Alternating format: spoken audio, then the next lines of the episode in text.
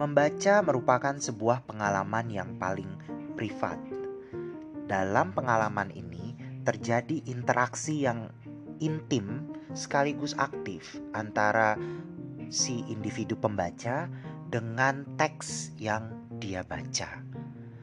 Bagaimanakah seorang queer membaca dan memaknai sebuah teks yang amat heteronormatif? Melalui puisi ini, saya mencoba untuk menampilkan kepelbagaian makna dari sebuah teks, serta bagaimana proses pemaknaan terhadap teks itu sendiri terkait erat dengan pengalaman dan identitas diri pembacanya.